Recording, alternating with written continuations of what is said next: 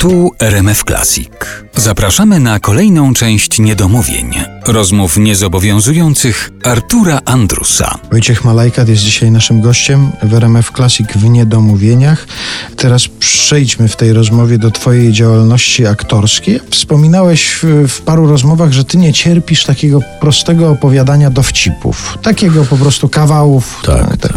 To chciałem Cię zapytać, jak Ty sobie radzisz z takim zjawiskiem jak garderoba męska? Ja to zjawisko e, usłyszałem pierwszy raz, m, padła ta nazwa z ust Stefanii Grodzieńskiej, która mówiła, że to jest koszmarne zjawisko pod tym względem, że siedzi pięciu facetów w jednej garderobie i każdy próbuje być śmieszniejszy od drugiego i każdy przynosi po 20-30 dowcipów na jeden wieczór. Czy tak jest, czy tak nie jest? Czy ty sobie radzisz jakoś z garderobą męską? Ja, ja, ja siedziałem w innej garderobie niż Stefania Grodzieńska. Ja nie wiem, czy ona w męskiej siedziała. No, No skoro tyle, to skoro tyle o tym wie, to widocznie... A może to w latach 50. było albo Wiesz co, 60. no nie.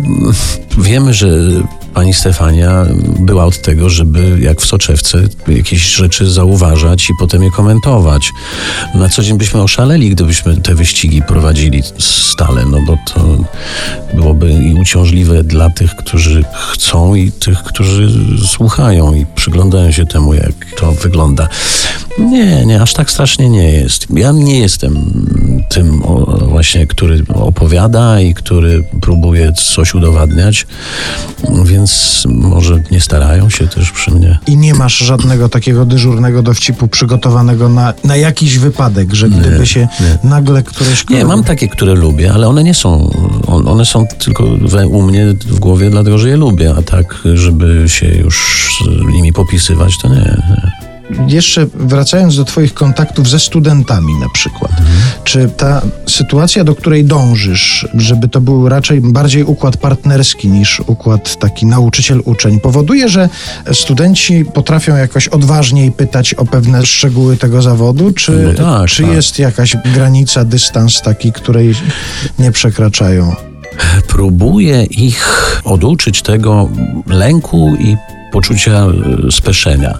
Bo siłą rzeczy, jak przychodzisz do takiej szkoły, to, to musisz odczuwać lęk i, i peszyć cię wi- widok ich, ich tych gwiazd, które chodzą po korytarzu, którym właśnie masz coś udowodnić. No, są wybitnymi specjalistami w udawaniu. Więc teraz jak tu ich przekonać, że ja umiem równie dobrze udawać? Oczywiście mówię o tym szlachetnym udawaniu. Ja tak zresztą myślałem sam zdając do szkoły. Myślę, co ja, co ja im powiem? I do dzisiaj tak jest. No peszą się i, i nie, nie wiedzą, czy tak naprawdę to robią dobrze i czy to ma jakąś wartość. Powiedz mi, a dobrze, a ciebie, ty jak długo z tego zakłopotania czy z tego lęku wychodziłeś, jak się uczyłeś tego zawodu? I czy jest jakaś konkretna osoba, która ci pozwoliła, pomogła ci z tego wyjść? W, w łódzkiej szkole filmowej miałem Ewę Mirowską, która myśli do dzisiaj podobnie jak ja, ale miałem też jednego profesora, którego się bałem panicznie. Nie rozumiałem, co do mnie mówi, nie wiedziałem, czego ode mnie chce tak naprawdę. Mówił i wymagał rzeczy, których mi nie tłumaczył, do czego mają służyć. No już mnie to tam, ale chociażby jemu. Co to we mnie rozwija, czy rozwija i czemu, jak powiadam, ma służyć. Tego właśnie chcę im oszczędzić, żeby się bali przyjść na zajęcia, bo ich nie rozumieją. Czy nie rozumieją nauczyciela, czy nie rozumieją zasad. No bo to nie ma sensu takie studiowanie. Zresztą nie tylko chyba aktorstwa, ale studiowanie czegokolwiek nie ma sensu, jeśli nie wiesz po co się tego uczysz i czego chce od ciebie ten, kto cię uczy.